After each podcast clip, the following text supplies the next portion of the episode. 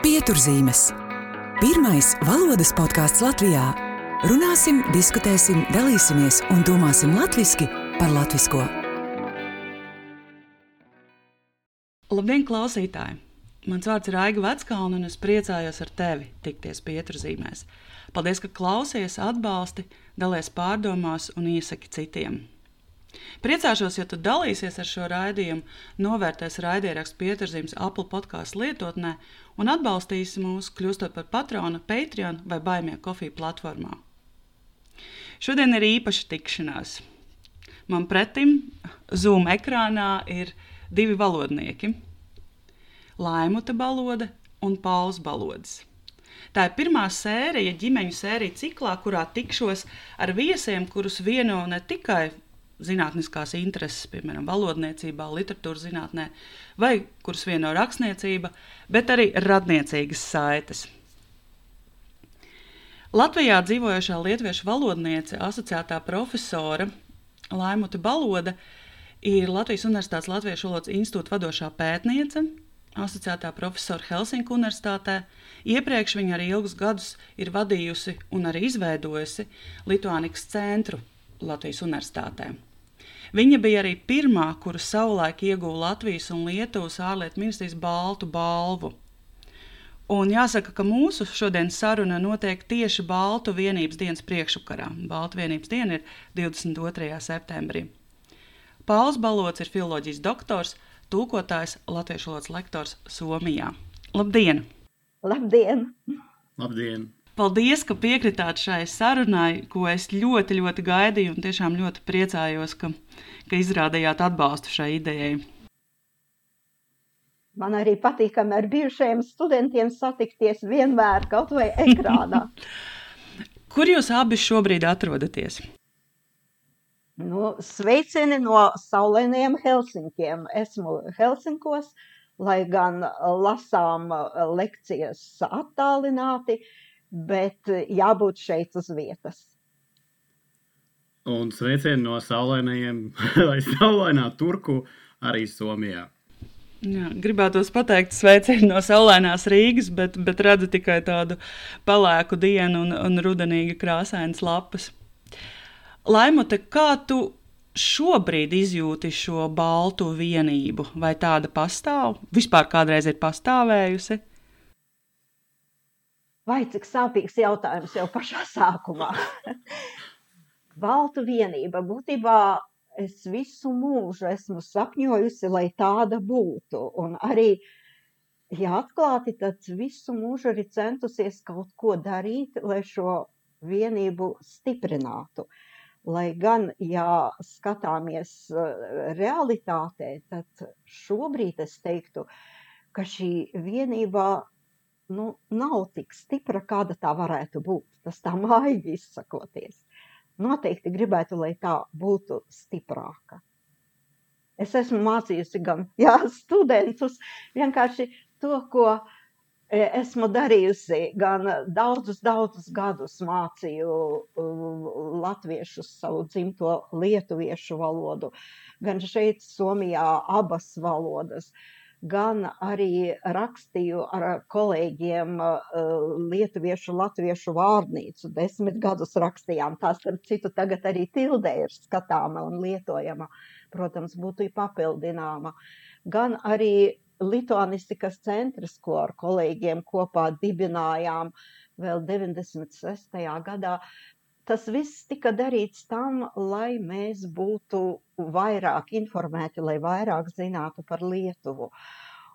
Un arī tad, kad neatkarības gados vēl sākotnēji var atcerēties varbūt to entuziasmu, cik ļoti visi gribēja mācīties lietuviešu valodu. Uh, mani plēsa gandrīz vai pušu, jo bija arī aicinājumi uz skolām iet. Esmu mācījusi arī franču licēja lietuviešu valodu.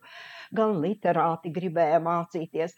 Visur, kur likās, ka mēs no viens otru sapratīsim bez tās trešās starpnieku valodas. Bet šobrīd tas viss ir noplacis. Es varbūt ar tādu pārāk bēdīgu noti sāku aiga. Nu, es domāju, ka nu, tā drīzāk ir reāla nots. Skaidrs, ka tā varbūt var izraisīt kādam mm, kādas bēdīgas emocijas.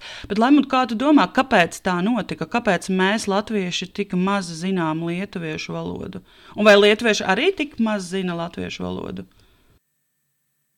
Nu, lietuviešiem latviešu valodu apgūt ir drusku vieglāk nekā latviešiem lietuviešu. Tas nu, šajos gados uh, ir pierādījies, un patiešām tā ir. Uh, Un parasti vismaz mani kolēģi, lietuvieši, valodnieki, gandrīz visi var runāt latviešu. Bet kādēļ tā notika, nu man ir grūti spriest. Lielākoties te ir vainīga arī mūsu valstu politika, lai gan oficiāli mēs atzīstam, ka mēs esam brāļi un mīlam viens otru. Bet kad lieta iet līdz eh, ekonomikai, līdz naudas lietām, līdz um, firmu darbības uh, virzieniem, tad uh, viss apstājās. Un, diemžēl man dažreiz arī nolaižās rokas un liekas, tā mūsu draudzība tiešām varētu būt daudz, daudz dziļāka. Man jau liekas, ka tas ir vienkārši tā, tā tāda kaimiņu būšana, ka tas nav saistīts ar latviešiem un lietuviešiem, ka pat latvietis latvietim nav nekāds brālis. Ja, saiz, ja tā runa ir par kādu lietu, kas ir saistīta ar naudu vai, vai ienākumiem. Bet tā jau kultūras ziņā man liekas, ka ir tā draudzība liela, bet tieši tajās lietās, kas saistīta ar ekonomiku, tur, tur uzreiz ir tāda konkurences iestājas. Bet, ja runāt par uh, brāļošanos, tad mums jau ģimenēs tā, tā brāļošanās ir jau. Tā un taisnība, jā. Tiešām mēs nākam no jauktajām ģimenēm. Es esmu piedzimusi tādā romantiskā vietā, Baikāla ezera salā, Sibīrijā. Un tētis man ir no Lietuvas, mamma ir latviete, un jau tad mēs runājām abās valodās. Mani bērni, Repals, var izstāstīt savu tālāku ceļu. Jā, nu, tu jau laikus zini, jā, ka mana sieva ir lietuviete, un arī, kas mācījās latviešu valodu universitātē, es neatceros, vai tu, mēs kopā gājām uz lekcijām vai ne. Bet tā kā man bērni arī runā abās valodās, un mēs ģimenē kā, kā runājam arī abās, un principā daži mani bērni tagad arī somu valodā brīžiem jau runā savā starpā.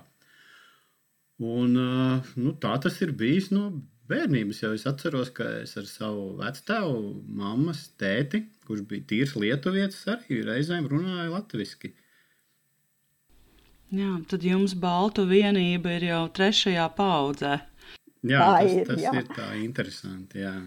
Jā, Laimut, es biju dzirdējis par šo tavu dzimšanas stāstu Dienvidzibīrijā un, un skaistajā Oļhona salā.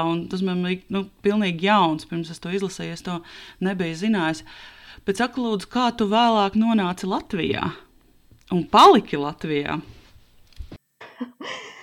nu, jā, tas arī diezgan garš stāsts. Mēs atgriezāmies Lietuvā. Es studēju Viļņas universitātē, bet, starp citu, es vienmēr gribēju kļūt neva par valodnieci, bet sapnis mans bija kļūt par um, acu ārsti, par medicīnu sapņoju. Mācījos ļoti labi, biju teicamniece. Bet uh, skolā tiku literārajā klasē, kur bija um, ievirze uz latīņu valodu, jau skolā mācījos to. Uh, Un tad varbūt tāda dzīves nejaušība, bet varbūt tas ir liktenis. Tajā laikā skolās bija populāras saucamās proforientācijas, un ieradās no filologijas fakultātes dekāns Jonas Baļkevičus, kas pats arī bija puslatvietis. Uh, Viņu mēdza dēvēt par e, Jonu Zeltamuti. Viņš varēja pārliecināt visus. Un tā viņš mani arī pierunāja, teikdams, nu labi, labu ārstu Lietuvā ir pietiekoši, bet labu lietuviešu un latviešu valodu pratēju nav daudz. Un tā es aizgāju uz filologijas fakultāti, bet studēju es klasiskās valodas. Studēju latīņu, sengrieķu, sanskritu. Un tad otrajā kursā mani kā vienu no pirmajām apmaiņas studentiem nosūtīja uz Latvijas universitāti specializēties latviešu valodā, jeb baltu valodās. Un tā es nonācu Rīgā, lai gan jāatzīst, ka sākotnēji bija lekcijas, kur es sapratu, nu, varbūt trešdaļu no lekcijas, jo man jau bija tā ģimenes valoda, ko es pratu latviešu, bet nevis standarta valoda, oficiālā valoda. Un te mēs satikāmies, tas bija gan studentu kopmītnēs, ar Tehniskās universitātes studentu, kas ir no Kurzemes, tagad ir mans vīrs Ēriks, Un tā es pēc ceturtā kursa e, paliku Latvijā. Es tiešām absolvēju viņas universitāti, bet pēc tam jau sāku strādāt Latvijā, Latvijas Zinātņu akadēmijā, Latviešu valodas institūtā, tajā laikā pie e, vietvārdu vārnīcas, Latviešu vietvārdu vārnīcas. Tā arī mans ceļš atveda uz Latviju. Brīnišķīgs stāsts. Tas teica arī mīlestība. Jā, tur viss, viss kopā, baltu vienību un mīlestība. Pauls stāstīja, kā viņi runā ar bērniem savā ģimenē, bet kā bija Paula bērnībā? Kādā valodā, kurā valodā jūs runājāt? Ar vīru, ar bērniem? Jā, ar bērniem bija tā, ka es, protams, centos runāt ar viņiem tikai lietuviski, uh, bet eh, bērni man ļoti bieži atbildēja tikai latviski tai spītā. Un tādēļ es biju atmetusi to domu, ka viņi iemācīsies lietuviešu valodu. Bet aizbraucot uz Lietuvu, aizbraucot pie maniem vecākiem, kas dzīvoja Viļņā, un it īpaši pēc tam, kad jau radās mīlestības, tad jau Paula man liekas, ka tagad ir pilnīgi vienalga, kurā valodā runāt. Jā, nu tas tiešām interesants jautājums. Es atceros, ka mamma mēģināja lietuviski runāt, kad mēs mazi bijām. Es nevaru pateikt, kāpēc, bet bija liels spīts, ja nerunāt tajā lietuviešu valodā. Jo likās, nu, kam tad tā valoda ir vajadzīga? Visi runā latviešu, vectēvs, vecmāma runā latviešu, un, un mēs tik bieži varbūt arī nebraucām uz Lietuvu toreiz. Nu, tikai skolēnu brīv, brīvlaikā braucām, atceros. Bet tas bija tāds garš ceļojums. Toreiz vēl mums mašīnas nebija un ar vilcienu un visi tie robežu sargi, kas uzzina sirds klausu padomi laikā. Un, uh, pirmo reizi, man liekas, es tā sāku mazliet jau saprāšana bija par to lietuviešu valodu, bet runāt es sāku pagalmā ar lietuviešu bērniem. Un, un, un tad ar zīmēm, ar krievu valodas palīdzību, bet pamazām, pamazām un, un, un, un tas bija tas pirmais mm, svarīgākais. Tā kā spiešana būtībā neko nevar, nevar panākt. Jā, nevar. Tiešām, es atceros, jā. ka bija pirmā mana tā sajūta, kad ir pretestība. Es gan nevaru pateikt, kāpēc tā ir Varbūt par vēlu māma sāka runāt lietuviski.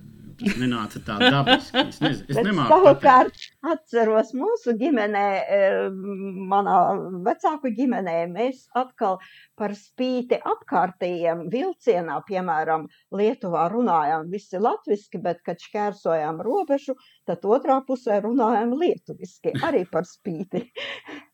Nu, mēs ar, mēs ar Moniku arī tā bieži, bieži darām. Jā, Latvijā runājam lietuviski un Lietuvā latviešu bieži tā ir. Ka... Jā, un ar to dubulto tādu identitāti man ir bieži tā, ka es, ja esmu Lietuvā, es patiešām jūtos kā latviete, bet Latvijā es jūtos vairāk kā lietuviete. Un tieši tāpēc arī man ir Latvijas pase, bet es obligāti gribēju un arī panācu, lai man ieraksta manu uh, tautību kā lietuvieti. Un kā, ir, kā tas ir ietekmējis jūsu pašu, jūsu runu, jūsu individuālo valodu? Laimot, kādas, kādas lietuviešu īpatnības tu varbūt jūti savā latviešu valodā? Jā, es jūtu tās īpatnības, protams, un tur neko laikam nevar darīt ar fonētiku, piemēram. Ir latviešiem ir dziļāks A nekā lietuviešiem. Viņi saka māte, bet lietuviešiem ir nāmas, tas A ir vairāk priekšējais. Un e, vēl ar mīkstinātajiem ķē un ģē man ir ļoti jāpiedomā arī, kad es studentiem mācu, vai es tiešām pareizi izrunāju. Tas bez šaubām, bet vēl nāk klāt mm, tādi burtiskie tulkojumi no lietuviešu valodas, frazeologismi, pie kuriem jau mana ģimene ir pieradusi, bet es tos joprojām lietoju. Un e, es vienmēr saku, es griežu galvu, lai gan latvieši saka lauzu galvu, bet man ir griežu galvu. Un tas, ka Mm, es vēl jaunībā teicu savam vīram, es šodien izmazgāju tavus kreklus, jo krekli lietuviešu valodā ir tikai daudzskaitlinieks, marškiņei. Un viņš man jautāja, vai visus kreklus, jo vajadzētu teikt, izmazgāju kreklu. Un tas ir tādi daži sīkumiņi, kas ar vien vēl pavadā. Un, Pāl, kā ir ar tavu lietuviešu valodu, vai tur ir ietekme no latviešu valodas? Zini, mana kā ar to identitāti bija tā, ka es vairāk sevi par latviešu uzskatīju, vienmēr, un arī, nu, laikam, arī šo, joprojām vairāk par latviešu uzskatu. Bet ar valodu ir tā, ka man, man liekas, ka tieši šeit, Somijā dzīvojot, tie lietuviešu valodas, es nezinu, vai, vai fonētikas līmenī, bet varbūt vairāk tieši tie frāzes dažādas, es tagad tā uzreiz tev nevaru pateikt, bet uh, es esmu pamanījis, ka pēkšņi, jā, es vairāk, tas, tas ir no lietuviešu valodas, tas tieši ģimenē runājot vairāk, jo mēs runājam tiešām katru dienā neskaitāmas reizes mainām to sarunu valodu, un mēs pieturamies pie tā, ka sieva vairāk runā lietuviski ar bērniem, es latviski, bet brīžiem ir tā, ka, kā Monika teica, ka viņa ir piefiksējusi, kad viņa dusmīga paliek, tad viņa sāk latviešu runāt ar bērniem. tā, tā, tā, nu, tā, es, es tā konkrēti piemērus nevaru nosaukt, bet es esmu pamanījis, ka jā, man ir varbūt kaut kas mīkstāks arī palicis tur kā ceļš vai vēl kaut kas. Bet uh, frāžu līmenī, jā, un tādu izteicienu līmenī, kas ir no, no sievas tieši pārņemts, varbūt bet mazbērniņi, Paula bērni apbrīnojami ātri maina valodas kodu. Tepat stāv mamma, viņa pagriežās lietuviski, pagriežās uz otru pusi un jau runā latviski. Par to var tikai pabrīnīties, cik tas ātri viņiem notiek. Un pagriežas trešo pusi un runā somiski, vai ne? Jā, Viņam, jā, un pa brīžam tur vēl runā arī angliski un tūlīt arī zviedriski, jo zviedru valoda ir otrā valsts valoda šeit. Jā, man vecākā meita tieši šogad sāka vēl zviedru valodu mācīties, un tad, kad viņa grib, lai abi jaunākie bērni nesaprot, tad viņa ar māmu runā angliski, mēģina runāt angliski. Jā, tik, tik interesanti. Un, Pāvils, Laimot mums izstāstīja savu ceļu, kā viņa nonāca filozofijā un kā ir ar tevi. Vai tu jau bērnībā zināji, ka būsi valodnieks? Vai drīkst taiga par dienām? Es sākšu, Labi. tālāk stāsta. Labi. Jo man ir divi, divas epizodes no Paula dzīves, kur es smējos, jau tad varēja redzēt tā uh, valodniecības ceļš. Tad, kad Pauls bija vēl tik maziņš, ka vēl staigāja zem galda, bet es gatavoju savu disertāciju, rakstīju par Latvijas ezeru nosaukumiem, uh, un visas bija visi nosaukumi uz mazām kartītēm. Un tās kartītes bija 21,000 vai vairāk. Un tad, kad tās bija dubultā, es tās metu atkritumu grozā, miskastē. Un tad eh, Paulītis, eh, maziņš būdams, rāpoja pie tās miskastes un rāva atpakaļ tās kartītes un lika man uz galda, saprastams, cik tas ir nopietns darbs un cik ir ļoti svarīgas tās lietas. Un otrs, Otra tāda epizode no manas disertācijas aizstāvēšanas Paulam tad bija septiņi gadi. Un viņš ļoti pacietīgi gaidīja, tas bija Zinātņu akadēmijas konferenču zālē, visu dienu, kamēr mammīte aizstāvēs to garo disertāciju, un pēc tam teica, nekad, nekad, nekad nebūšu zinātnīgs. Un tas ir gadījums, kas jāsaka, nekad nevar teikt nekad. nu, tie ir Dažas tādas epizodes no Paula dzīves. Tagad, lai Pauls pats izstāsta. Jā, paldies. Man pašam jau noteikti piemirsušās šīs epizodes bija. Bet, uh, Nē, tā nebija, ka es būtu ļoti pārliecināts par sevi, ka es iešu studēt filoloģiju. Bet uh, tomēr kaut kā tas pamazām tā nu, virziens bija skaidrs. Es biju humanitārajā vidusskolā vai gimnājā mācījos. Bet kas bija interesanti, ka pabeidzot humanitāro gimnāziju, mums bija trīs paralēlās klases. Gan arī 40 uh, mani paralēli klasnieki aizgāja mācīties ekonomiku vai jurisprudenci. Man liekas, tik ļoti dīvaini tas, ka, ka mēs esam mācījušies tā humanitāru, apguvuši valodas un, un, un līdzīgus priekšmetus, un pēkšņi visi aizgāja ekonomiku mācīties. Un, un tas manī radās kaut kāds spīts, un es domāju, nu, tad kādam tomēr ir jāiet arī valodas apgūt. Un, nu, tā, un es domāju, nu, mamma arī to ir darījusi. Nu, likās, ka tas būs tas īstais eh, mans lauciņš. Un, nu, atklāti sakot, jā, man tas ir vienmēr ir padevies. Un, un, es nenožēloju. Redz, tā bija iespēja iepazīt tevi. Aiga. Jā, tieši tā. Un klausītājiem atklāšu, ka, ka Pauls bija mans kursa biedrs un, un Laimuta bija mana pasniedzēja filozofijas fakultātē. Man liekas, ka ekonomisti un juristi tieši tajā laikā bija tāda izteikta modes lieta. Tas bija tāds... Jā, tā ir. Tā ir jā. jā. Es atceros, ka es arī apsvēru domu stāties juristos. Labi, ka es to neizdarīju, bet kaut kā likās, nu, tieši tā, ka tas ir tā, nu, visi tur stājas un tur tie iespējamie tie. Um, zelta, zelta mākoņi un solījumi, ko tas, ko tas varētu dot. Jā. Um, Nu, tā, tā bija tāda modes lieta, jā. Man liekas, ka daudzi nemaz neklausījās sevi. Mm. Bet, uh, tieši tajā, kad, oh, man viss iet. Tieši tā. Draugi, kāpēc lai es neaiziet? Tieši tā. Bet es atceros arī tās sarunas uh, ar, pirmajā kursā, jā, kad daudzi no mūsu kursa biedriem tā runā. Ai, vajadzēja aiziet arī mums tomēr. tā ir uz juristiem. Jā, taisnība. Es zinu, ka vairāki kursa biedri arī man filologos ik pa laikam mēģināja spēkus juristos arī šajos pirmajos, otrajos kursos. Jā, nezaudēja to, to, to cerību. Abi esat arī mm, nu, ne tikai valodnieki, tā vispārīgi, bet jūs vieno arī valodniecības apakšnodare, onomastika. Nu, pirms mēs runājam par jūsu pētījumiem un jūsu interesēm onomastikas jomā, varbūt tiekam skaidrībā, kas tad onomastika ir par zvēru, ko, ko tā īsti dara un ko tā pēta un ko šis vārds nozīmē. Jā, nu, onomastiku esmu mācījusi gan Latvijas universitātē, gan tagad mācu arī Helsinku universitātē. Te to saucam gan par baltu onomastiku. Uh, Un tā ir zinātne par īpašvārdiem, jā, tā īsi jāsaka. Man ļoti patīk tas grieķu onomastikē, kas ir e, tulkojumā māksla, jeb spēja nosaukt. Tātad es bieži saku, ka tā nav zinātne, bet tā patiesībā ir māksla.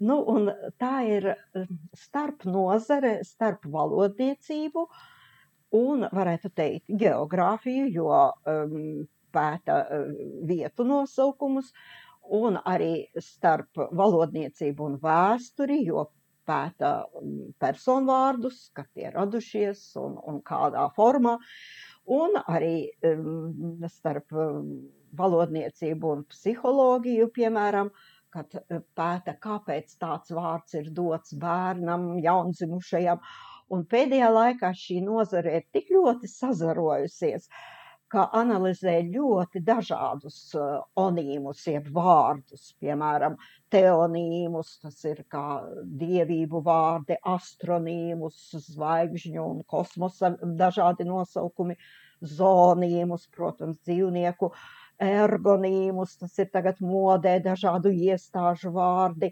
arī tāds ļoti dīvains termins kā hematonīmi. Studentiem ļoti šausmas uzdzen šis vārds. Tas ir komercproduktu nosaukumi. Arī raksta, piemēram, par jahtu, par lidmašīnu nosaukumiem. Vārdu sakot, mm, kas tikai nav pētīts. Piemēram, tagad vēl nav pat tāda termina, bet jau uh, pēta, kā sauc vētru uh, nosaukumus, jo tagad jau, kā jūs esat dzirdējuši, tiem tiek doti um, personu vārdi.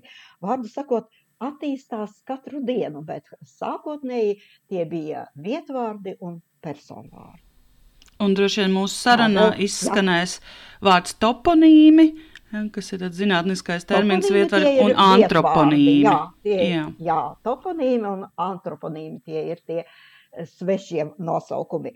Bet pasaulē šobrīd ir uz viļņa saucamā socioonomastika, tātad tas, kas ir saistīts ar sabiedrību, ar sabiedrības interesēm un vajadzībām, tātad pēta vārdu došanas motivāciju, kāpēc viens vai otrs vārds noveco, kas tiek uzskatīts par neglītu vārdu un kas ir skaists vārds. Ir bijušas pat studentu aptaujas. Un daudz, jo daudz kas jauns rodās. Un tas, kas sākotnēji interesēja etimoloģija, jeb cilme vārda, no kā, teiksim, tāds un tāds vietvārds vai kur radies tāds un tāds vārds, tagad aiziet it kā otrajā plānā, it kā mazāk interesē. Nu pat bija uh, Aikas kongress, arī Pauls piedalījās tajā. Mēs arī lasījām referātus Aikas kongress, tas ir vispasaules onomastu lielākais sajiets. Parasti ap 300-400 cilvēku, un e, varēja redzēt, kuras sekcijas ir vispilnākās, kur visvairāk e, pievelk klausītājus, un tieši tā socioonomastika šobrīd ir izraisa lielāko interesi. Un, Laimata, kurus onīmus pēti tu un kurus onīmus Pauli pēti tu? Sāc paltu varbūt ar saviem.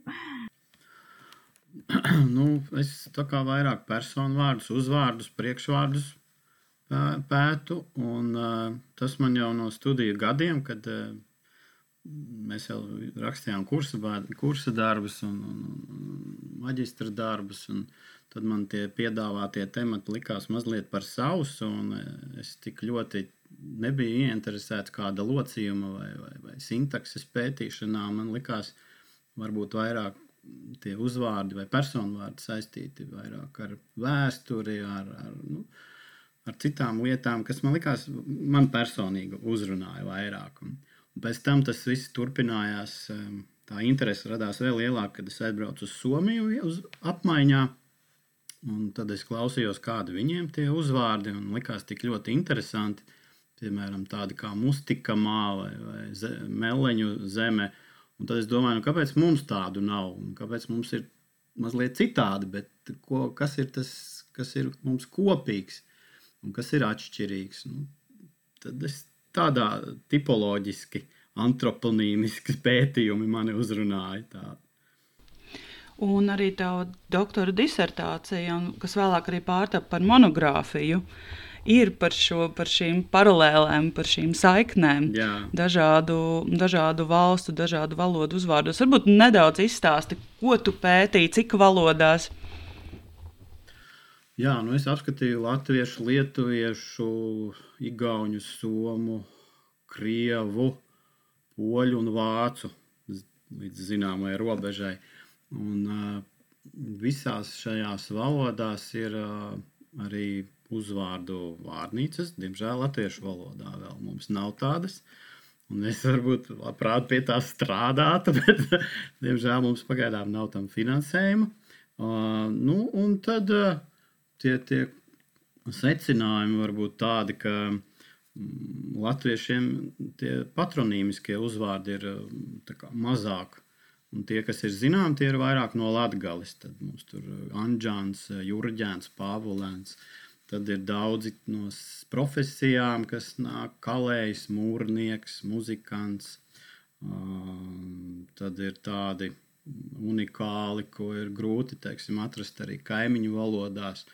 Piemēram, lielpinka, grozgalvis. Um, vecvēderiņš, tādi, kas ir no iesaukām bieži radušies, mm, teiksim, diedelnieks vai aldzeris. Tad ir ļoti daudz latviešiem ir tāda faunas un floras semantika, piemēram, ezeru blusa vai baltais vilks, tādi salikteņi interesanti. Uh, tad, uh, ko es vēl varu pateikt? Tā par savu uzvārdu. Mans uzvārds ir uh, astotais izplatītākais Latvijā. Bet, uh, teiksim, kas ir interesanti, ka tikai latviešiem at, atradu tādus uh, salikteņus kā sīla balodis vai kalīgi jaunu balodis. Tādi interesanti bija. Kā ar baložiem, Nu, jā, protams, ar- kā ar baložiem citās, citās valodās. Ir tādi baloži, Tas ir, jā, protams, bet tieši tie salikteņi, tie Mhm. mm -hmm. mums tādi īpatnēji. Protams, arī flora latviešiem ir ļoti mīļa. Tur mm, arī citiem, citām, īpaši somiem, igauniem, arī ir tādi.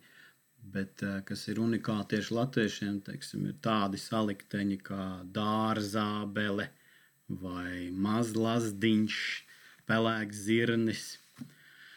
Uh, nu, un tad visvairāk, protams, ir no fizioģeogrāfiskas, kalniņš vai lēņš, tādu, tādu uzvārdu latviešiem ir.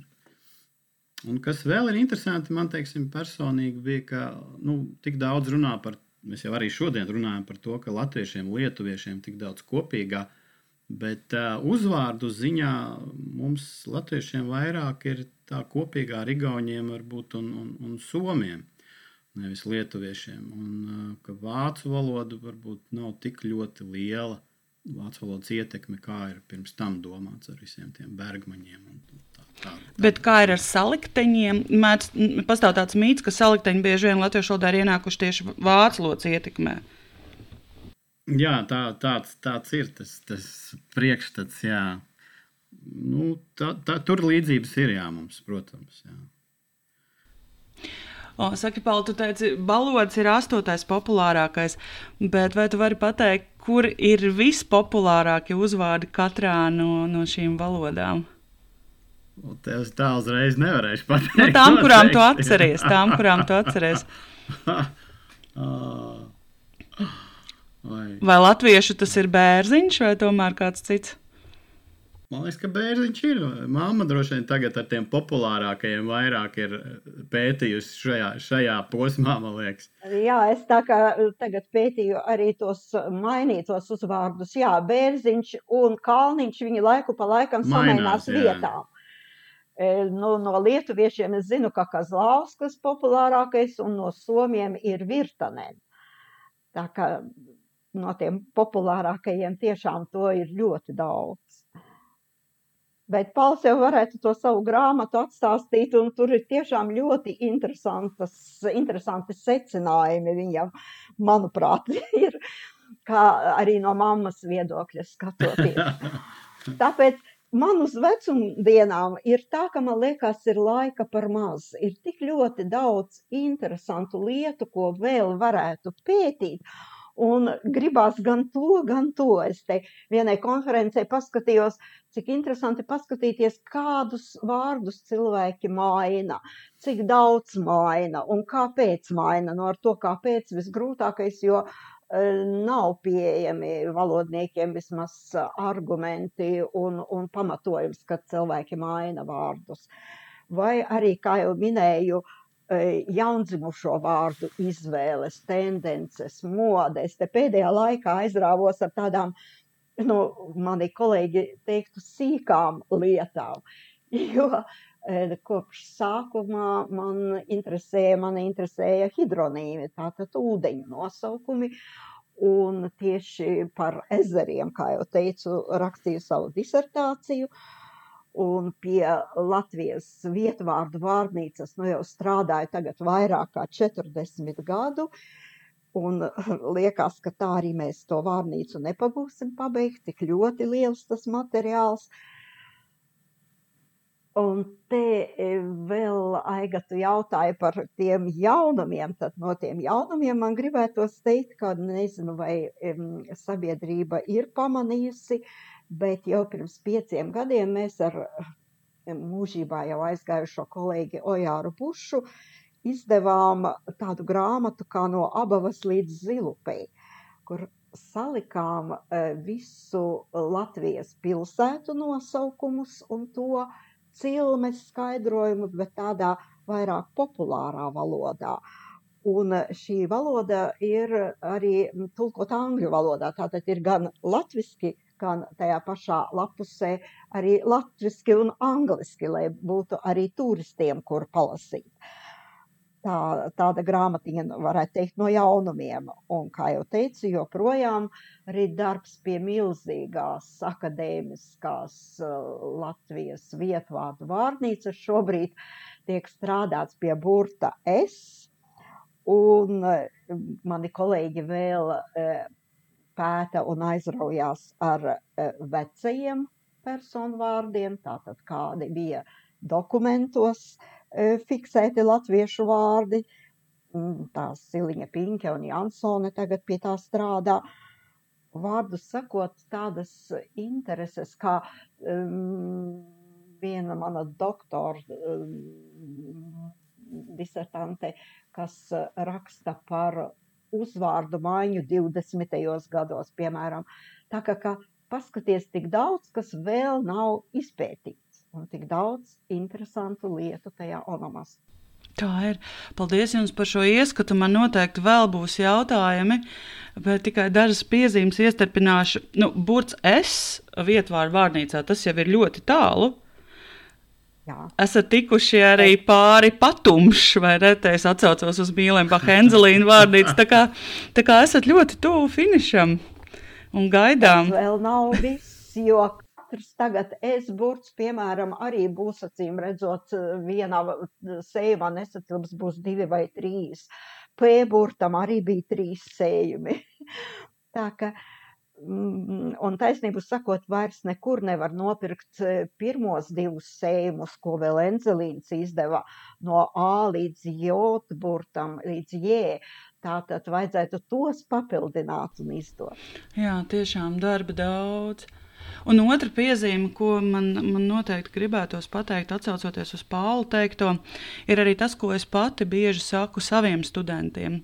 Pirmkārt, savos pētījumos vienmēr klausīt sirdi vai prātu, kas nu kuram tuvāk, un pētīt to, kas pašu interesē, un arī turpināt pētījumus dažādos līmeņos, jā, sākot varbūt ar referātu, kursu darbu, bakalaura darbu, vēlāk maģistra darbu. Uh, ja to īsto interesi atrod, tad pēc tam ir daudz vieglāk, un arī jau materiāls ir izveidots. Un, un atliek tikai to pa, padziļināt, apstrādāt, padziļināt, pētīt. Tā kā Pauli, tev šajā, šajā ziņā ir, ir ļoti labs stāsts. Es vēlētos, ka tas būtu arī tā darījis, bet tad es atceros, ka es bakalaura darbā pētīju vietvārdus, jeb toponīmus, un mani tas ļoti interesē. Es atceros, ka es tiešām klausīju savai sirdsbalsī, un mani tik ļoti aizrauja, jo šī toponīma pētīšana neesmu gan. Kāpēc neturpināja? Jā, neesmu gan pie tā atgriezies, bet, nu, bet Vēlāk sapratu, ka man ļoti, ļoti interesē un tuva ir īpašvārdu atveida. Tā kā savā ziņā arī mans darbs ir saistīts gan ar personu vārdiem, gan ar vietvārdiem, bet drīzāk citu valodu personu vārdu un vietvārdu Jā. un tos, kā mēs tos atveidojam. Starp citu, Pauli, kā ir ar citu valodu ietekmēm uzvārdos? Jo tagad jau arvien biežāk cilvēki apracas vai citu iemeslu dēļ, varbūt ārvalstīs nomaina uzvārdus. Uh, Kā tas ir ietekmējis, vai kāds to pēta? Vai kāds to pēta? Es nezinu, tur varbūt mamma vairāk zinās, bet, eh, bet vispār jau tas ir sāpīgs jautājums. Es, es nezinu, eh, cik ilgi latvieši noturēsies vēl savā atveides eh, noteikumu kā, burbulī. Jo, nu, principā lietuvieši jau tā kā vairs saglabāt to, to oriģinālu. Nu, oficiāli it kā nē, tur, cik es saprotu, šobrīd ir pastāv abi viedokļi, vai ne, lietuviešu valodā. Man liekas, ka viņiem ir haoss. Lietuvieši daudz kur ir padevušies. Jau Jā. latvieši vienīgie, kas ir noturējušies. Jā. Man liekas, ka pētīt to nepēta šobrīd neviens, bet tikai e, ir pētīts, kādus uzvārdus sievietes pēc laulībām izvēlās. Un tas arī parāda, ka lielākoties tādus, kur nebūtu diekritiku, kur ārzemēs nebūtu problēmu, kur, kur visā pasaulē varētu viegli izrunāt un tā tālāk. Tas jau vien norāda to tendenci. Un kā ir ar Lietuvas sieviešu uzvārdu īpatnībām, vai joprojām ir šis šķīrums, precētas un neprecētas sievietes uzvārdu izskaņā? Joprojām ir un tradicionāli tiek ievērots, bet ir atļauts arī e, izvēlēties pēc laulībām e, uzvārdu, kas neparāda to, ka tu esi precēts. Tātad iene nē, bet tikai galotni mainot, tā kā latviešiem ir atļauja. Bet pārsteidzoši, ka um, nav tik daudz, kas to izvēlētos. Tātad tradīcija ir, ir stiprāka. Pieturzīmes piedāvā arī vērtīgas valodas lekcijas un konsultācijas, kas pilnveidos tava darba efektivitāti un uzņēmuma tēlu. Un, Laimot, atgriežoties pie tevis minētās vārnīcas, ko tu izveidoji kopā ar izcilo valodnieku Ojāru Bušu, tātad no abas līdz zilupēji, ko jūs atklājāt? Kas varbūt ir vislatviskākie, nu, tā es lieku pēdiņās, vietvārdi, šie apdzīvot vietu un pilsētu nosaukumi? O, pašus latviskākos, nu, tur grūti pateikt, jo lielākoties tie ir baltiski. Jā, tātad atšķirt, vai tas tiešām ir latvisks, bet bieži varētu būt arī varbūt kursiskas cilmes. Dažreiz mēs minam, ka varbūt arī lietuviskas, tikai dažus mēs tur tādus atradām. Uh, ko varētu pateikt auce, piemēram, ar jautājumu zīmi, bet varētu būt arī lietuviskas cilmes un subate, piemēram.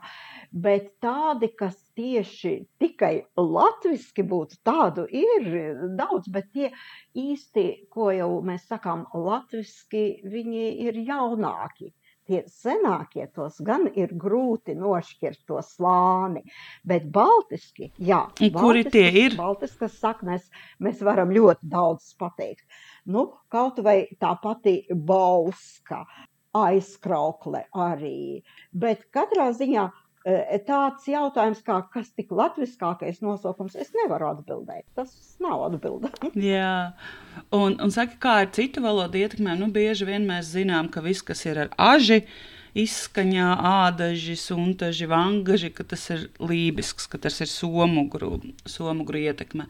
Bet kā piemēram citām valodām, vācu, varbūt krievu vai arī tā, to valodu ietekme ir vērojama vietvārdos. Pilsētu nosaukumos maz. Pilsētu nosaukumos vācu valoda uh, caur personvārdiem ir, ir līvāni, piemēram, ir uh, no personvārda vai ape uh, no personvārda.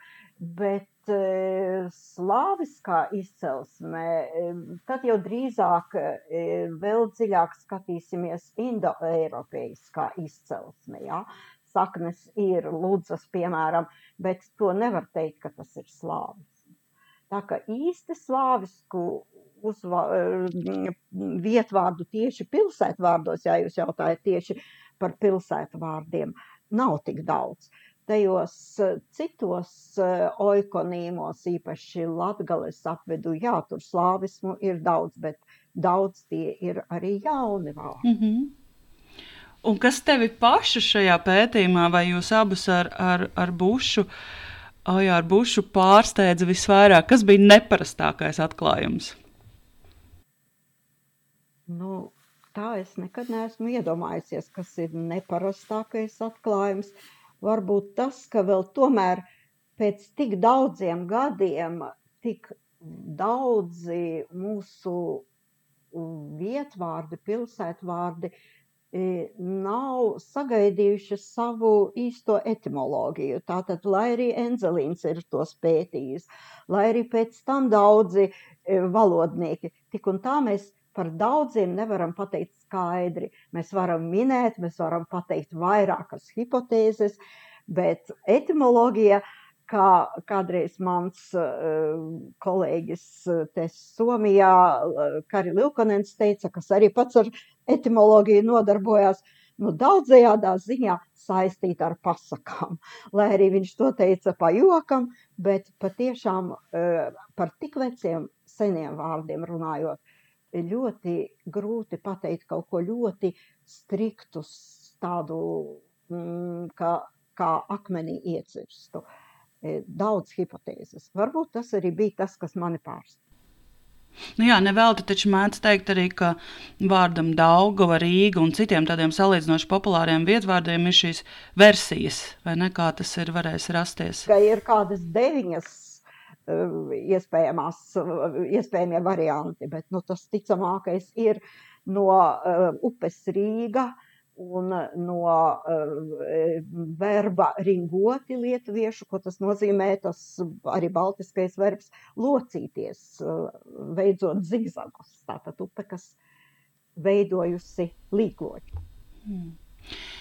Un tu jau pati pieminēji, ka bieži vien šī nozara, šī toponīma pētniecība un arī antroponīma pētniecība saistīta ar to, kas notiek ar šiem geogrāfiskajiem procesiem, sociālo-ekonomiskajiem procesiem. Uh, Un mēs zinām, ka daudz vietu Latvijas teritorijā, piemēram, samazinās iedzīvotāju skaits apdzīvotās vietās.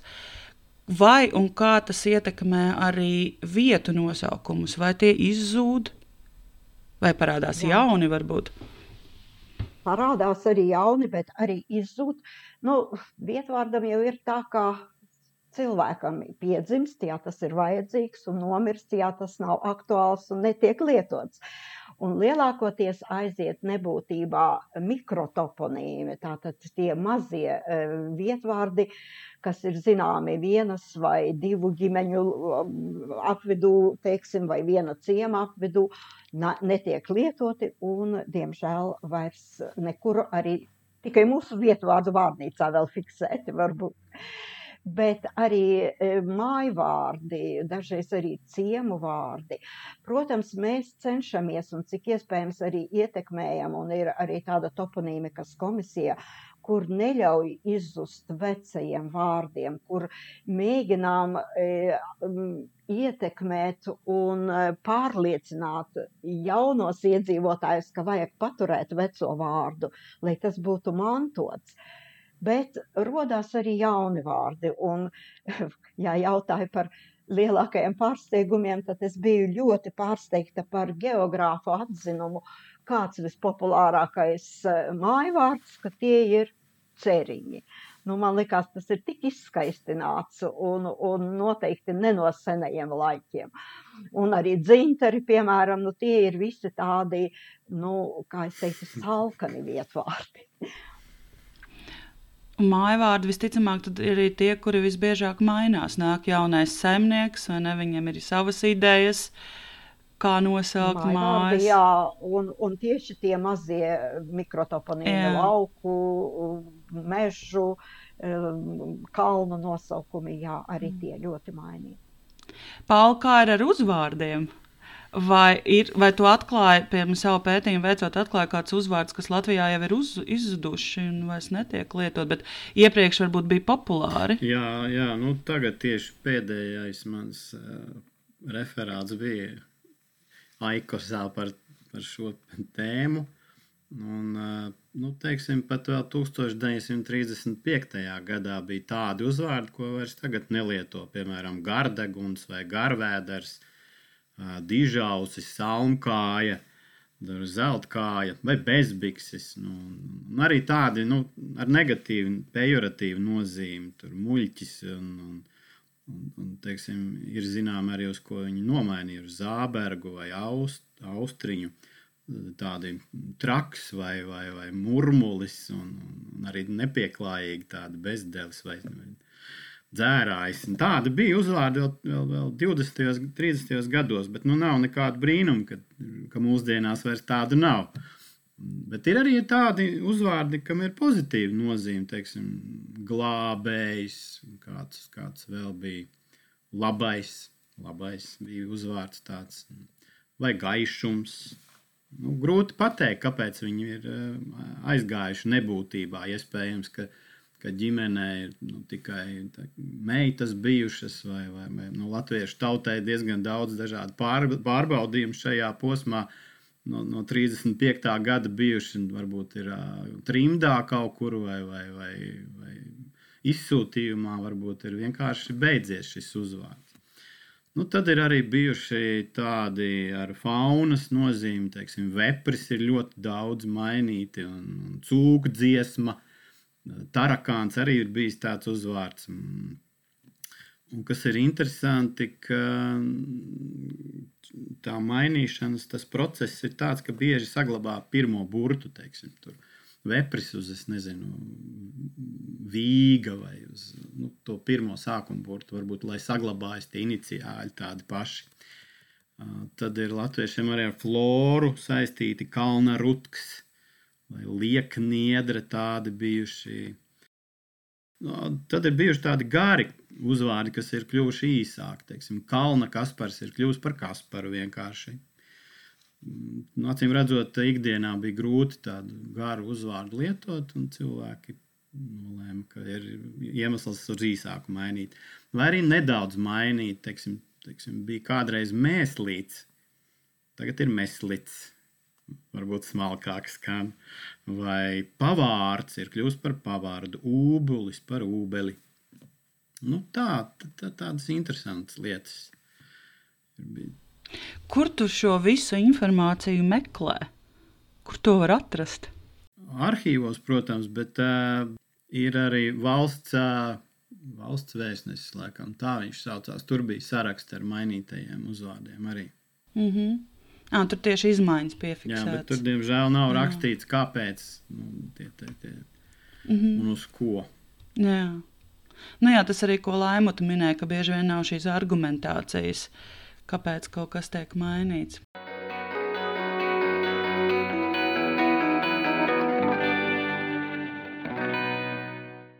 Cik viegli vai grūti ir iemācīties somu valodu?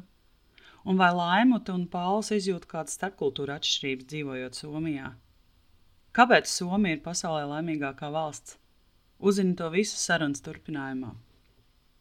Sarunas turpinājumā es labprāt um, parunātu par jūsu, par jūsu akadēmisko darbu, par, par jūsu darbu ar, ar studentiem. Un, un, bet pirms mēs to darām, man noteikti jāatgriežas tālajā. Tālajā 90. Tālajās 90. gada beigās, kad, uh, kad kopā mācījāmies uh, ar Paulu pie, pie Laimuts. Man, mans stāsts uh, ir, ir zināms, arī manas saknes ir, ir Lietuvā. Mana māma bija, nu jau bija Lietuviete, un, bet kuru diezgan vardarbīgā veidā divu gadu vecumā atveda uz Latviju. Un kopš tā laika viņa šeit dzīvoja bērnamā, vēlāk internāta skolā. Un, un tā tālāk, līdz ar to viņai, viņa nerunāja lietuviski, un nebija to arī iemācījusies. Uh, Un man atkal, es nezinu, kāpēc, bet baltu filozofiju studējot, kur man bija iespēja mācīties lietuviešu valodu, vai nu bija jūsu minētā pretestība, vai nu varbūt neizdevās satikties ar īsto, īsto pasniedzēju, līdz pat šim pēdējam kursam, Laimuta, kad tu sāki mūs mācīt. Tas, protams, bija nu, pilnīgi cits, cits līmenis un cita, cita studiju kvalitāte. Uh, Un tad es iespējams būtu gribējusi mācīties, bet tad atkal bija darbs un viss cits, kas, kas vienmēr attaisno, kāpēc neveltām pietiekami daudz laika studijām. Bet es nekad neaizmirsīšu, kā tu man uh, gala eksāmenā palīdzēji un redzot, ka manas lietuviešu valodas zināšanas ir tiešām niecīgas ka tu tomēr mani neiegāzi un ielika man nu, tiešām tādu atzīmi, lai tas būtu ieskaitīts un lai es ar kaunu neizkristu šajā beidzot augstskolu. Tā kā liels, liels par, paldies par to. Man tiešām žēl, ka mēs nesatikāmies agrāk, jo es esmu pārliecināta, ka, ka es būtu atradusi ceļu uz lietuviešu valodu. Noteikti, bet nekad nav par vēlu aigā. Nav var, gan. Var arī tagad, jā. jā un, var mācīties noteikti, jā. Un tas ir arī viens no maniem mērķiem, tas ir manā, manā sarakstā, jo kopš vairāk esmu arī izpētījusi mammas saknes Lietuvā, man ir daudz, daudz lielāka interese par to. Un, Un, jā, tas noteikti ir manā sarakstā. Bet, nu, tā bija tāda liriska atkāpe. Bet, bet uh, Laimot, varbūt parunājam par tavu darbu Helsinkos. Ko tu tur, Jā, ko labi. tu tur dari? Lai gan Jā. nekad teicu, ka arī nekad nebūšu skolotāja. Tas nekad nebija mans sapnis. Bet vienmēr saku, ka jau tik gadus mācu, un studenti tiešām palīdz nenovecot. Kas nu ir, tas ir. Palīdz būt lietas kursā par, par jaunāko literatūru, pat kaut vai par mūzikas grupām. Gribi, negribi, bet tik un tā par to ir jāzina un jārunā. Uh, Un jāsaka, ka man patīk mācīt valodas. To patiesi atklāju mm, un pati biju pārsteigta, jo īpaši patīk mācīt iesācējus no nulles, kā mēs sakām, jo tad redzi progresu. Un tad, kad somam sāk spīdēt acis, ka viņš jau var pateikt eh, latviski to, ko viņš grib, nu, tas ir, tas ir to vērts. Somi mācās Helsinku universitātē trīs gadus. Um, saņem bakalauru un bakalauru tieši baltu valodās. Tātad Somijā Helsinku universitāte ir vienīgā, kur var akadēmiskā līmenī iegūt šo grādu, bet var arī turpināt studijas vēl divus gadus un iegūt arī magistru baltu valodās, bet tad gan ir jāmācās uh, vismaz vienu semestri, vēlams divus, arī e, Rīgā, vai arī jā, lietuviešu valodu mācās arī Viļņā. Nu, mācās viņi e, pēc izvēles lietuviešu vai latviešu. Katru otro gadu mēs pieņemam uz latviešu valodu trīs studentus, un katru otro gadu trīs studentus uz lietuviešu valodu. Somijā pietiek, vairāk nevajag. Bet bieži viņi interesējās par abām valodām, un viņi studē abas valodas, un, kā es smējos, runā baltu valodā. Viņiem tad sanāk viens vārds lietuviski, viens latviski. Aka, esmu te jau 24 gadus, drīz būs 25, pašai pilnīgi neticami, jo atbraucu goda vārds tikai vienu gadu pamēģināt, jo mani uzaicināja uh, docents uh, Kari Livkonens, kas tad bija baltu valodu kurators, un pats viņš ļoti labi runā lietuviski. Viņš uzaicināja uz vienu gadu, un, kā es teicu, es nekad neesmu mācījusi latviešu valodu, tikai savu dzimto lietuviešu valodu. Viņš, kā jau somi ar tādu labu humoru, teica, bet kāda tur starpība? Nomainiet tikai piemērus. Un viss. Tā es arī pamēģinu. Un pēc pirmā gada man uz galda bija nolikts līguma pagarinājums, pat nesaskaņojot ar mani, jo viņi bija aptaujājuši studentus, kas, acīm redzot, bija apmierināti. Un tā es esmu jau te tik ļoti ilgi. Bet es nekad neesmu uh, bijusi tikai Helsinku universitātē. Es ar vienu kāju esmu arī Rīgā, jo visu laiku vēl strādāju arī Latvijas universitātē, gan vadīdama centru, gan arī magistrantus mācīdama, gan arī vēl joprojām esmu Latviešu valodas institūtā. Tā, tā nu ir. Paul, un kurā brīdī tu nonāci Somijā? Es zinu, ka tu biji apmaiņas gadā. Jā, kā vēlāk izvērtās? Es biju 90. Īstenībā mēs sākām pirmā kursā laikam kopā studēt, un tad es aizbraucu. U, otrādi, ne, ah. otrādi, tu pievienojies mums pēc ah, tā nu gada.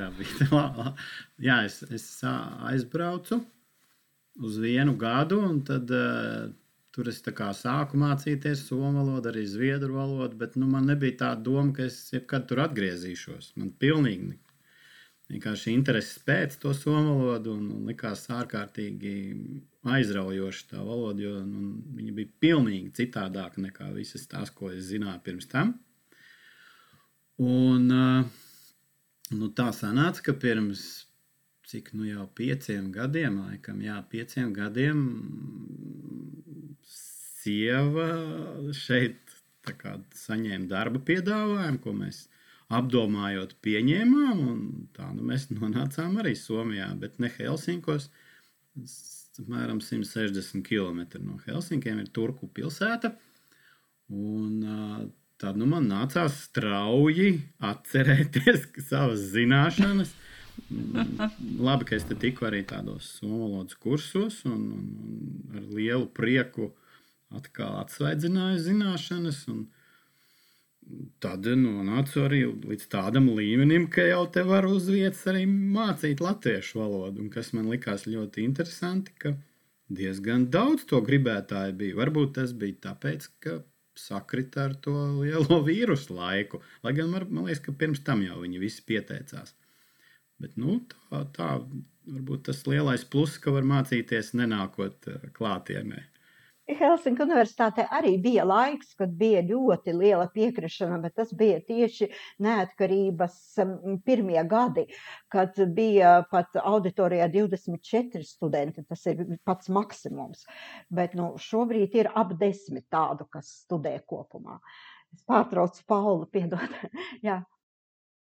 Pāl, kur, kur tu māci un kas ir tie tavi studenti, jā, kas, kas mācās jā. nu, man, Somijā man, latviešu valodu? Teica, kad viņai studenti palīdz nenovecot, man laikam ir cits studentu segments, jo es mācu pie, vienā vietā, tā ir tautas skola, turku vietējā, un tur pārsvarā ir jau, nu, pirms pensijas vai pat pensijas eh, tādu vecuma studenti man kas vienkārši tagad viņiem ir uh, brīvs laiks, un tad viņi Somijā tas tā pieņemts, ka viņi aiziet pensijā, tad beidzot apgūst kaut ko, kas viņus ir ļoti interesējis, bet kam vienkārši nav bijis laika vairāk.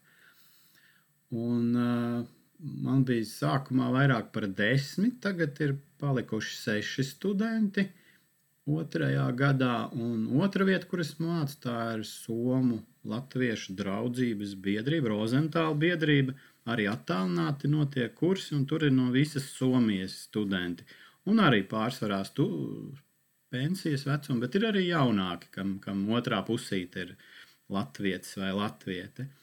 Un, Bet Paulam ir tur tādi patrioti Latvijas, ka pats nodzieda himnu, uh, paši prot nodziedāt. Tā kā Pauls man ir stāstījis, tāpēc es viņu papildinu. Man ir viens students no Labzemes, ir no Somijas vidienas studentes. Ļoti interesantā, plaša geogrāfija man ir. Bet atšķirība ir starp somu studentiem un latviešu studentiem, tā kā es to varu tā ļoti dzīvi salīdzināt, un, un man bijušas ir tādas arī dienas, kad no rīta es lasu lekciju vēl e, Helsinku universitātē, un vakarā man jau ir Latvijas universitātē lekcija. Mm, tad ir kā diena un nakts brīžiem. Ir, kā man pašā sākumā likās, ka es esmu aiz stikla sienas, ka studenti mani nedzird, ka pat eh, smaidiņu es nevaru izvilināt. Man likās, ka es nekur derīgā pedagoģi esmu.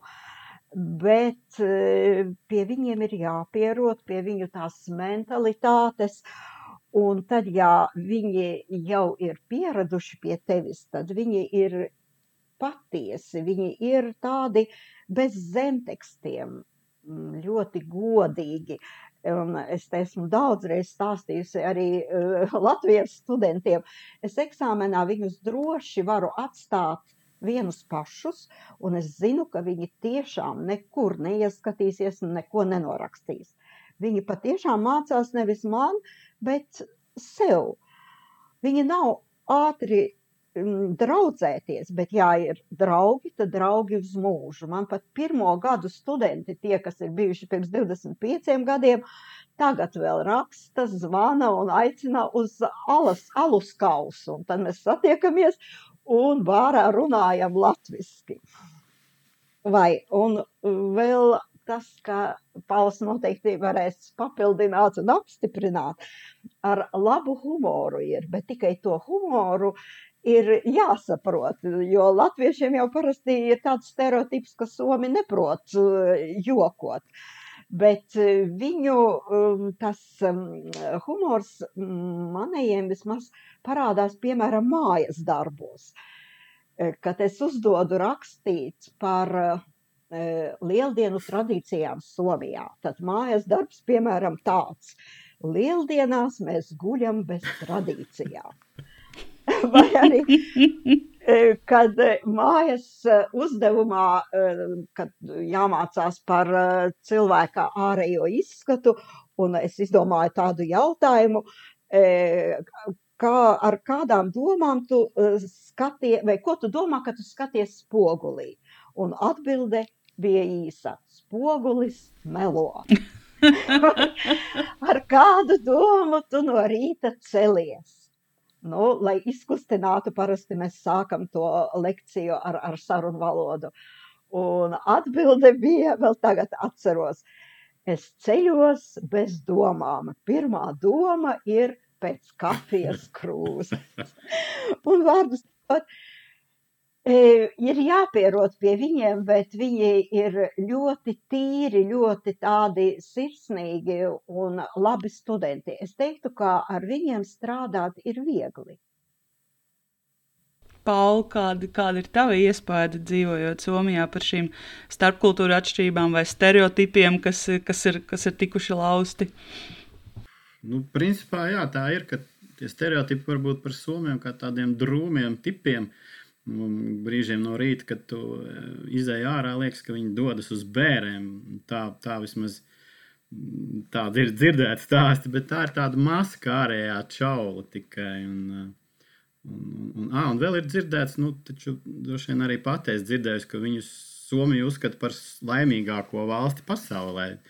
Tāpēc ir tā drū, jocīgi skatīties, ka viņi tik drūmām sejām varbūt staigā apkārt. Patiesībā, mm, jo, nu, man liekas, ka par to laimīgumu arī tā nosacīta. Viņi, viņi paši tā vienmēr brīnās un smaida, ka, ka viņus uzskata par laimīgākajiem. Uh, nu, tas godīgums varbūt tas man liekas ļoti. Kas, kas mani fascinē šeit, ka viņi vienmēr tiešām būs godīgi vienmēr un visās situācijās. Par to laimīgumu Pauls vēl nepiebilda arī, ka pat uh, ir uztaisīta vesela zinātne par to, par laimīgākajām zemēm, un ir tāds profesors Ojanens, Marko Ojanens, jā, ko pat sauc par uh, laimes profesoru. Un tur ir atkarīgs gan no sociālā atbalsta, gan no korupcijas līmeņa, gan no sakārtotības, no ļoti daudz kā to, to laimes līmeni nosaka. Bet to, ka Somijā ir sakārtots viss, jā, un man liekas, ka eh, Somi ir arī apmierināti ar to, ka viņi dzīvo tādā sakārtotā, tādā paredzamā valstī. Nu, varbūt tagad e, pandēmija drusku sajauca to sakārtotību, bet tik un tā arī, e, teiksim, pati vakcinēšanās notiek ļoti kārtīgi un, un bez tādiem lielākiem starpgadījumiem. Tā kā varbūt arī tas viņu to laimes sajūtu vairo. Viņi ir ļoti patriotiski, viņi patiešām uh, mīlu savu valsti, un kā to iemāca, to man liekas jau Pauls redz, kā viņa bērni skolā. Viņi jau tagad, tas, kas ir somisks, tas ir labs. To viņiem iemāca. Nē, nu man liekas, ka patriotisms arī Latvijā ir liels un jau no bērndārzā tiek, tiek audzināts tas viss, un, un arī varbūt svētkos mēs to jūtam, bet uh, varbūt lielāka tā atšķirība ikdienā ir tāda, ka es nezinu, kā Latvijā vai Latvijas pērk tos vietējos ābolus vairāk, pat ja teiksim, viņi būtu trīsreiz dārgāki par polijas vai es nezinu. Jā, šeit Somijas ir lepns un noteikti pirkstos vietējos, lai gan viņi tur skābāki varbūt. Mazi cieti bet, ābolīši, jā, dārgi, bet labāk. Jā, noteikti. Viņš jā. arī atbalstīs to vietējo. Tā ir, jā.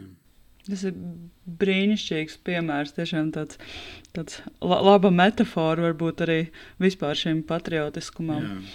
Uh, ja mēs runājam, parunājam vēl īsi par somu valodu, tad uh, runājot no jūsu pieredzes vai no, varbūt, no citu, no jūsu ģimenes locekļa vai draugu pieredzes, cik viegli vai grūti ir iemācīties somu valodu latvietim vai lietuvietim? Nu, nav viegli. Es, kad atbraucu, man likās, ka es to somu valodu nemācīšos, jo es viegli iztieku ar angļu valodu. Bet tad, kad es sapratu, ka pēc lekcijas studenti runā savā starpā, un varbūt viņi mani aprunā, bet es nesaprotu, ko viņi runā, tad es ātri aizgāju mācīties. Bet tā ir grūta valoda. Patiešām starp visām manām valodu bagāžas, kā es saku, manās kabatās bija daudz valodu, bet visas indoeiropiešu. Tad šī ir nu, nekādas asociācijas neradoša. Sākumā mēģinājām um, lasīt tos zviedriskos uzrakstus, jo visur jau rakstīts divās valodās. Bet tomēr um, ir grūti, lai gan nav neiespējami. Tas ir tāpat kā maniem studentiem Somijā mācoties latviešu valodu. Nu, viņiem vēl grūtāk ir lietuviešu. Latviešu valoda tomēr drusku ir tā mm, somugru substrāts, un tur ir gan aizgūmi, kurus viņi atpazīst, gan e, kopīgie germānismi. Somiem ir no zviedru valodas, mums no vācu valodas, bet viņi pazīst tā torni vai torni, stunda vai tunti vai skola kaulu. Tas jau viņiem liekas labi, bet grūta valoda ir, jā. Kā Paulam liekas, nezinu, viņam jaunākā Nē, nu, es galva. varbūt sāku agrāk jau, jau cik man bija, kā 20, jā, es neatceros. Bet es to uztvēru tādu tā kā spēli, kā izaicinājumu. Man ļoti patika, kā viņa skan. Ļoti daudz patskaņu, divskaņu. Un, un es to uztvēru kā izaicinājumu sev, tādu patīkamu izaicinājumu. Man tā valoda vairāk atgādināja varbūt matemātikas uzdevumu, jo tu zini, kāds ir noteikums, tāda un tāda galotne pieliec tikai tādu ķieģelīti klāt, un veidojās tev locījums. Es atceros, kā mēs ar meitu Martu, kura arī ar mani kopā atbrauca un tajā laikā apmeklēja Somu skolu, kā sākām mācīties saunā. Abas sēdēdamas, jo sauna te ir obligāta, tātad reiz nedēļā saunā, un uz lapiņām vienā pusē rakstīts latviskais vārds, otrā pusē tā tulkojums somu valodā, un tā mēs saunā mācījāmies. Tad Marta pēc tam aizgāja studēt somu valodu, tātad Latvijas universitātē, tā ka tas kaut ko ietekmēja, deva savu. Jā. Jā. Ko jūs abi ieteiktu kādam, varbūt, kurš arī vēlas apgūt somu valodu? Kādas ir iespējas, ko lasīt, ko klausīties, varbūt ir internetā kādi resursi pieejami?